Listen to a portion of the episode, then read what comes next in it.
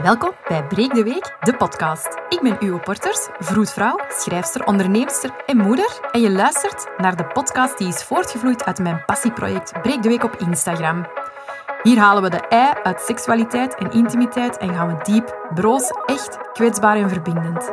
Welkom!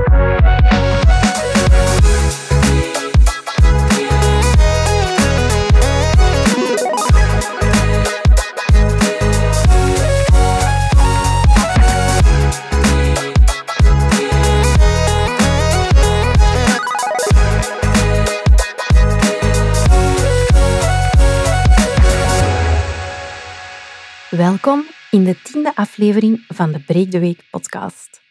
Ik ben uw Porters en je gaat het vandaag alleen met mij moeten stellen. Toen ik aan deze podcastreeks begon, had ik mij voorgenomen om bij het begin een soort van inleidende en verkennende aflevering te maken. Ik was me er namelijk van bewust dat helemaal niet alle luisteraars zouden weten wie die Uwe Porters eigenlijk was. En dat wilde ik dus wel eventjes ophelderen. In een laatste aflevering, deze dus, helaas, wilde ik graag terugblikken. Op de afleveringen en ook op de gasten. Op wat het ons, maar dus ook zeker mij, gebracht en geleerd heeft. Want ik vergeet veel te vaak hoe bijna alle zaken die besproken worden voor mij als heel vanzelfsprekend zijn, maar dat dat voor de meerderheid van de mensen eigenlijk lang niet zo is elke dag denk of spreek ik aan en over vroedvrouwerij en sensualiteit, maar dat is voor veel mensen natuurlijk helemaal niet zo. En ja, dan is het al bespreekbaar en dat is het vaak helemaal nog niet eens. De eerste aflevering met gast was er een met Arno. Arno van de Velde, ook wel bekend als Arnolion op Instagram. Ik wilde alles wat ik zelf ervaren heb als moeder tegenover een vader zetten, die op een heel gelijkaardige en toch ook wel een andere manier, um, maar wel diezelfde watertjes had doorzwommen. Jullie reacties waren ontzettend lovend, um, uit alle kampen trouwens. En ik denk dat ik voor zowel Arno als mezelf kan spreken als ik zeg dat we vereerd waren om al die emoties en die taboes in jullie woonkamers, keukens en auto's, waar jullie waarschijnlijk ook vaak geluisterd hebben, om die los te breken. Het is ook echt tot hiertoe de meest beluisterde aflevering en ik begrijp ook echt wel waarom. Veel van jullie stelden mij ook heel veel vragen na het beluisteren daarvan. En die vragen waren daarom niet per se altijd vragen waar ik zelf een antwoord op kon geven.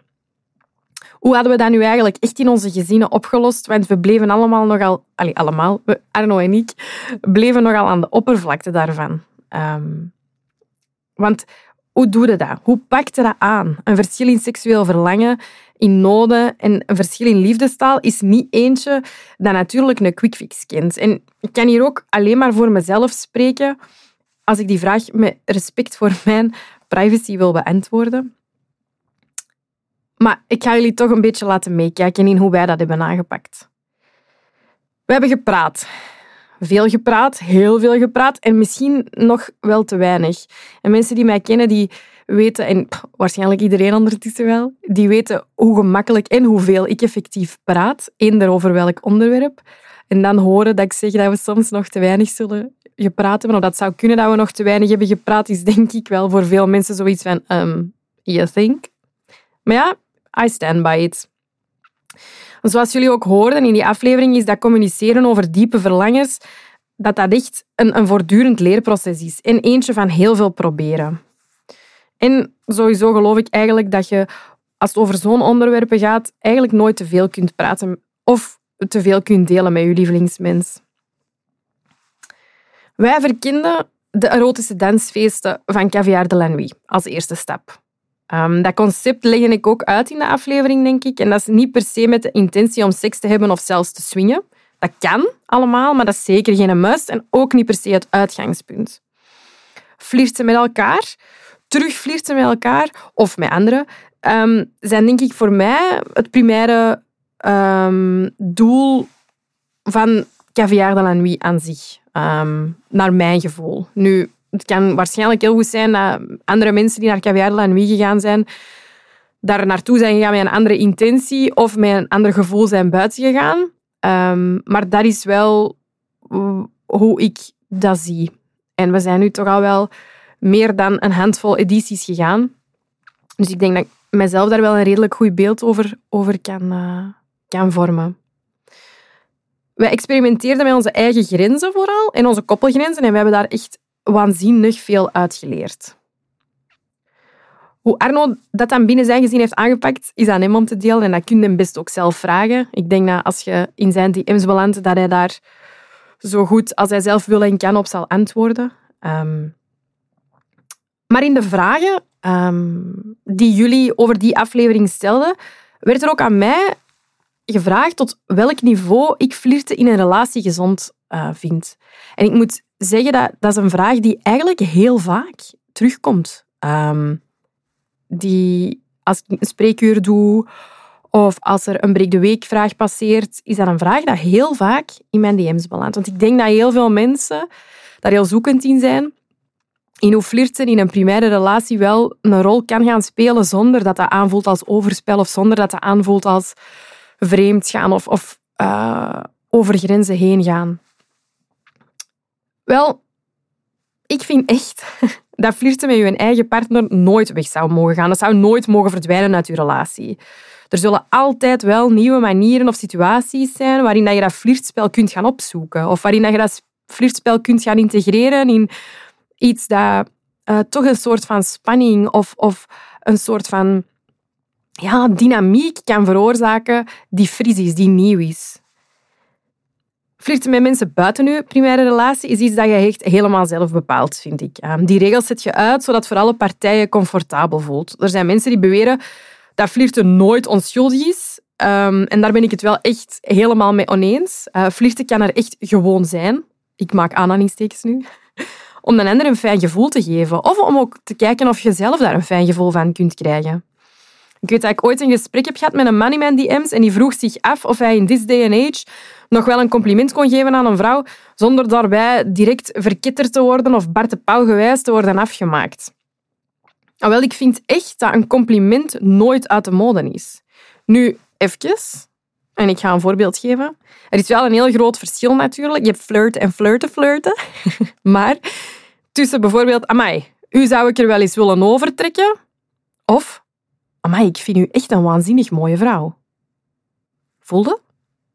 Dat laatste is echt nooit ongepast en dat is altijd fijn om te horen. Bovendien kan niemand het daar oneens mee zijn. Is dat flirten van zijn kant, als die man dat zegt? Ja, misschien en waarschijnlijk. Maar het is uw volgende stap die de rest van de toon of de intentie van dat gesprek bepaalt. Een dank u wel of wel, ik vind u ook eigenlijk een hele knappe man. Het zijn twee andere dingen. En flirten wordt heel vaak negatief benaderd in een relatie, merk ik dan ook in mijn DM's. Maar flirten is eigenlijk gewoon een vorm van communicatie tussen mensen waarin er eigenlijk met sensualiteit wordt gespeeld. Niet meer of niet minder. Want door te flirten wilde nagaan of die een andere persoon u ook aantrekkelijk vindt, het best. Maar als we dan gaan kijken naar wat versieren is, en flirten en versieren zijn twee heel verschillende dingen, bij versieren gaat je gewoon verder en wilde wel iets meer van die ander. Je wilt een date, een kus, misschien wel een liefdesrelatie. Flirten is gewoon goed voor het zelfvertrouwen van alle partijen die deelnemen, denk ik. In de aflevering met Lara, de seksuologe, hebben we denk ik op heel veel vragen kunnen antwoorden. Dat waren heel vaak dingen die ik heel vanzelfsprekend ervaar, maar die jullie heel graag hoorden.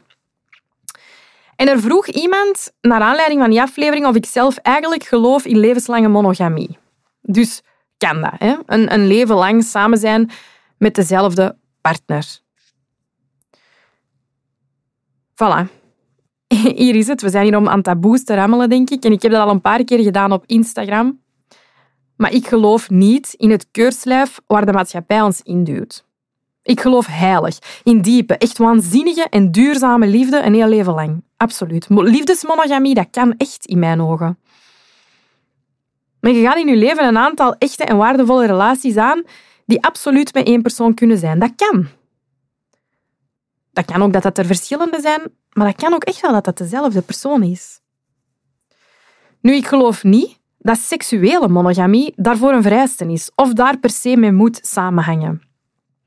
Mensen, en zeker niet alle mensen, kunnen seksualiteit beleven perfect loskoppelen van de liefde beleven of liefde bedrijven. de seks die ik heb met mijn liefdespartner is dan ook niet de seks die ik zou hebben met een one-night stand, bijvoorbeeld. Om het even heel duidelijk en cru te stellen. De seks die ik zou hebben met mijn liefdespartner en iemand die we bij in onze seks uitnodigen, dat is een kans op plezier, verbinding en zeker waarschijnlijk, hopelijk, ook fijne seks. Maar dat staat los van liefde. Ervoor en erna die connectie met mijn liefdespartner, die is doordringd van liefdesmonogamie, maar dat kan perfect losstaan. Nu, evengoed denk ik dat verschillende liefdes ook naast elkaar kunnen staan. Ik heb daar geen ervaring mee, maar ik denk wel echt dat dat kan werken. Polyamorie is, is misschien dan maar juist hetzelfde als wat we vaak omschrijven, als, als wat er gebeurt als je een tweede, een derde of een zoveelste kind baart. Oké, grote sprong, maar bear with me on this one. Ik weet dat, en ik was zelf ook dat kunnen lezen in mijn twee eerste boeken, dat, dat gevoel beklemde mij enorm van ik heb een kind en, en ik zie dat zo graag dat het pijn doet. Hoe kan ik in godsnaam, nu ik in verwachting ben van mijn tweede, derde, vierde... Allez, ik was in verwachting van mijn tweede kind. Hoe kan ik in godsnaam dat kind nu zo graag gaan zien? Ik ga, ik ga moeten inboeten. De, de, de liefde voor mijn eerstgeborene ga, ga moeten plaatsmaken. En, en dat gaat, hoe kan die liefde voor dat tweede kind minstens even groot zijn? Ik, ik, dat gaat niet lukken. En ik heb mezelf daar zo gigantisch veel stress en schuldgevoel op voorhand al in aangepraat om tot de vaststelling te komen op het moment dat ik mama werd van twee, dat mijn hart zich niet moest splitsen, maar gewoon veel groter werd. Mijn liefde werd nog veel meer. De mens is in staat van zoveel liefde, in staat tot, tot waanzinnig veel pure, echte liefde, zonder dat dat eigenlijk al die andere liefde voor die anderen tekort doet. Dat is niet. Dus ik denk dat liefde sowieso altijd perfect naast elkaar kan staan. En dat die liefde altijd zijn weg wel zal zoeken en vinden. Jullie vroegen ook hoe open wij thuis zijn over seks waar de kinderen bij zijn. Dat werd een paar keer gevraagd en dat wordt regelmatig aan mij gevraagd. En ik weet niet of ik daar inderdaad al duidelijk genoeg over ben. Um, maar weten, heel erg vaak, zoals dat gaat ten huize porters en nageslacht, um, zijn die gesprekken gewoon vol een bak bezig. Um, en loopt er bijvoorbeeld ineens een kind binnen in de keuken, en dan gaat dat gesprek gewoon verder. Wij dansen eigenlijk nergens rond, maar laat wel duidelijk zijn dat ik natuurlijk niet zou benoemen van amai, vanavond zou ik nog eens graag uh, goed anaal genomen willen worden, als die erbij zouden zijn, hypothetisch. gaan we niet doen. Ze zijn zes en bijna negen, dus je snapt mij, die conversaties groeien nu al volop en dat gaat ook nog meer groeien. Um, maar allee, filteren wel echt heel duidelijk van wat er voor wie zijn oren is op welk moment natuurlijk.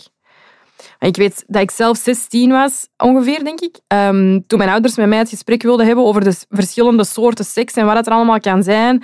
En dan ook hun eigen ervaringen daarin kleurrijk wilden delen. Nu, ik luisterde en ik had mijn cornflakes verderop. En ik heb daar vast wel wat dingen van verdrongen. Maar ik heb nu wel onthouden dat ik daar blij mee was en dat alles kon besproken. En that counts for something. Dat maakt ook voor een groot stuk, denk ik, dat ik nu heel comfortabel ben met daarover te praten. En dat ik ook weet wat het u kan opleveren. Met Tine. Tine van den Bogert, de boudoirfotografe. Daar een aflevering mee opnemen, dat was heerlijk. Dat was ook eigenlijk een beetje een thuismatch spelen. Um, ik ken Tine al een hele tijd. En ik wilde eigenlijk iedereen meenemen doorheen zo'n boudoirshoot. Um, voor Tine en mij voelt dat al vaak als een geoliede machine als ik voor haar lens verschijn. En ja, al meer dan, wat zie ik, honderden vrouwen hebben al zo'n levensveranderende ervaring mogen meemaken. Um, en onder tien haar begeleidend oog en zorgende lens is dat echt iets dat ik iedereen gun en toewens. Dat is waanzinnig. Er vroeg iemand mij in mijn DM's van hoe in godsnaam terug die sensuele vrouw herkent of toelaat in uzelf na het moederschap, in het moederschap. Wel, Misschien is voor mij die allereerste shoot bij Tinnen in 2018 wel echt het eerste domino-steentje geweest. Uzelf zien door de lens van iemand die uw sensualiteit zo puur en eerlijk brengt, dat is echt van onschatbare waarde. En daarna dat resultaat zien. Want Tine die is tijdens zo'n shoot constant zo complimenten aan het geven. Dat is nooit erover, dat is nooit te veel.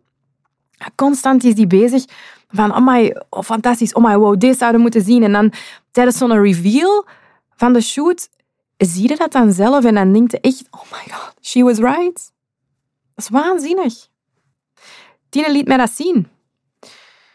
En ik denk dat ik zo terug babystapjes heb genomen in die herontdekking van uwe. Van wie ik was of wie ik kon zijn. Ik kon daardoor ook rouwen voor het meisje dat nooit meer terugkwam. Maar ik kon wel dankbaar zijn voor wie dat meisje geweest was en het pad dat ze me heeft laten bewandelen. Want ik wist dat ik nu nog meer kon zijn dan die vrouw voor de kinderen. Het was een en-en verhaal en geen of-of verhaal. En dat had ik echt heel hard nodig. Met Magali de Reu besprak ik een onderwerp dat volgens jullie nog veel te weinig daglicht zag. Dat was um, het onderwerp toen ik voor uh, ik de podcast ben beginnen opnemen en voor ik gasten had uitgenodigd, was dat eigenlijk het onderwerp dat het meest benoemd werd, dat aan bod moest komen. Dat is ook een onderwerp waar ik zelf nog veel te weinig over wist. Um, dus waar ik mij echt ja, geweldig veel plezier een gast voor uh, heb uitgenodigd. ADHD en autisme en uw relatie tot seksualiteitsbeleving in en buiten relaties. Mondjevol. En dat blijkt ook helemaal terecht te zijn. Ik ben Magali waanzinnig dankbaar um, om met die aflevering zo'n kwetsbaar stukje van haarzelf te willen tonen en tegelijk zo gigantisch veel mensen herkenbaarheid uh, te tonen. Dat was, dat, was, dat was echt niet normaal. Um, ik denk dat heel veel mensen er wel iets van hebben kunnen meepikken. Um, en dat heeft mij enorm vurig gemaakt om in een eventueel tweede seizoen, als dat er al komt, uh, een seksuoloog uit te nodigen met echt een specialisatie rond ADHD en autisme. En ik denk dat dat um, enorm waardevol is. En ik weet nu ook zeker, dankzij Magali, dat ik gewoon keihard in die doelgroep pas. De aflevering met Delia. Delia, oh, what's to say? Er valt gigantisch veel over die aflevering te zeggen. En het is degene um, waar ik zelf het meeste mee heb moeten slikken, tranen wegvegen en vaak ook gewoon sprakeloos mee heb zitten knikken. Een aflevering die iedereen moet horen. Ik denk dat als er een aflevering is die ik um, iedereen aanraad om te luisteren, als je er maar eentje kunt of zou willen luisteren, kiezen is verliezen natuurlijk, maar dan denk ik dat wel echt zeker die met Delia is. Delia zei, ik denk dat jij best eens een innerlijke kindsessie bij mij boekt. En ik zei, ik weet niet of ik klaar ben voor al die pijn, Delia. Dat snap ik, zei ze. Het gaat niet mooi zijn het gaat heel veel pijn doen, maar het gaat u zoveel brengen. En ik weet oprecht niet of ik ooit zal kunnen ontvangen op een manier dat mijzelf en mijn relaties ten goede komt. Delia denkt van wel. Maar door haar weet ik wel dat ik mezelf die foutmarge mag geven om te vallen en weer recht te staan. En te blijven proberen vooral. En door Delia weten we nu allemaal hoe dat, dat zit met die energie.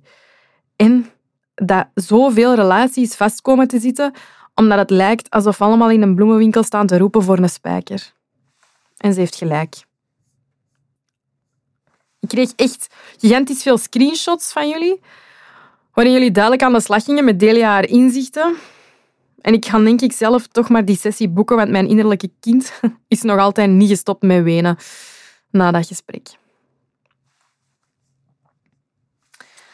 Sam. Ja, Sam en ik zijn op heel veel vlakken heerlijk verschillend. Maar op veel vlakken komen we eigenlijk fenomenaal goed overeen. Dat is ook waarom ik haar per se in de studio wilde. Wij kregen kinderen in onze vroege twintiger jaren en we hopen dat als onze kinderen nooit in de shit zitten, dat ze meteen denken, ja, ik bel ons moeder, want die gaat weten wat we moeten doen. En niet dat ze in paniek en stress zijn en dat ze denken, oh fuck, deze mogen ze echt nooit te weten komen. En dat gaat op voor alle deugenieterij, maar even goed over die seksualiteit. Open badkamerpolitiek als standaard en privacy als ze die graag willen of nodig hebben. Voilà. Dat waren eigenlijk de basics. Nu, privacy om te kunnen ontprikkelen, maar gewoon nooit uit schaamte, angst of verdriet. Onze dokters die krijgen alle opties rond menstruatiemiddelen, rond apps. En we leren dat menstruatie krachten zijn in plaats van altijd te focussen op de menstruatieklachten, waar wij vaak mee te maken kregen. En als die er wel zijn, ja, maar dan lossen we die op. Het woord hoort erbij. Gaat eigenlijk nooit over onze lippen rollen, denk ik. En ik denk ook dat dat is waar mijn lieve vriendin Nathalie en ik het helemaal over eens zijn. Dat heb je ook kunnen horen hè, in die aflevering met Nathalie. Taboeloze en laagdrempelige info voor iedereen ten allen tijde. Ervoor zorgen dat niemand ooit vijf anticonceptiepillen tegelijk moet slikken, maar correct geïnformeerd aan een vruchtbaar leven kan starten. Ik ben zeker. Dat tweede seizoen moet er komen, want ik ben nog niet uitgepraat. Hou dus zeker mijn socials in de gaten, want daar ga je kunnen zien wanneer en hoe ik dat ga lanceren. Tot dan kunnen jullie de waanzinnig mooie eerste editie van de Break the Week kaartjes weer overal kopen. En hold your tits. Ik maakte en lanceer samen met mijn vast projectmaatje Tasha van Rijmenand ook een tweede editie. Speciaal voor deze Valentijn zijn er de Hou Me Week kaartjes. Kaartjes om het gesprek en verlangen rond seksualiteit en intimiteit te vergemakkelijken, leuker te maken en elkaar gewoon zalig week te schrijven. Het concept is hetzelfde, maar het is gewoon een tweede editie met veel mooie tekeningen en fantastisch mooie teksten, al zeg ik het zelf. Mijn derde boek, De Vrouwen in de Moeder, kan gepreorderd worden en ligt binnen enkele weken in hopelijk al jullie woon-, slaap- en huiskamers. Van oermoeder tot seksgodin en alles ertussenin. En dat voor iedereen, alsjeblieft. Ik was uw Porters. Ik vond het een eer dat jullie luisterden. Tot heel snel. Veel schrijf- en leesplezier. Bye.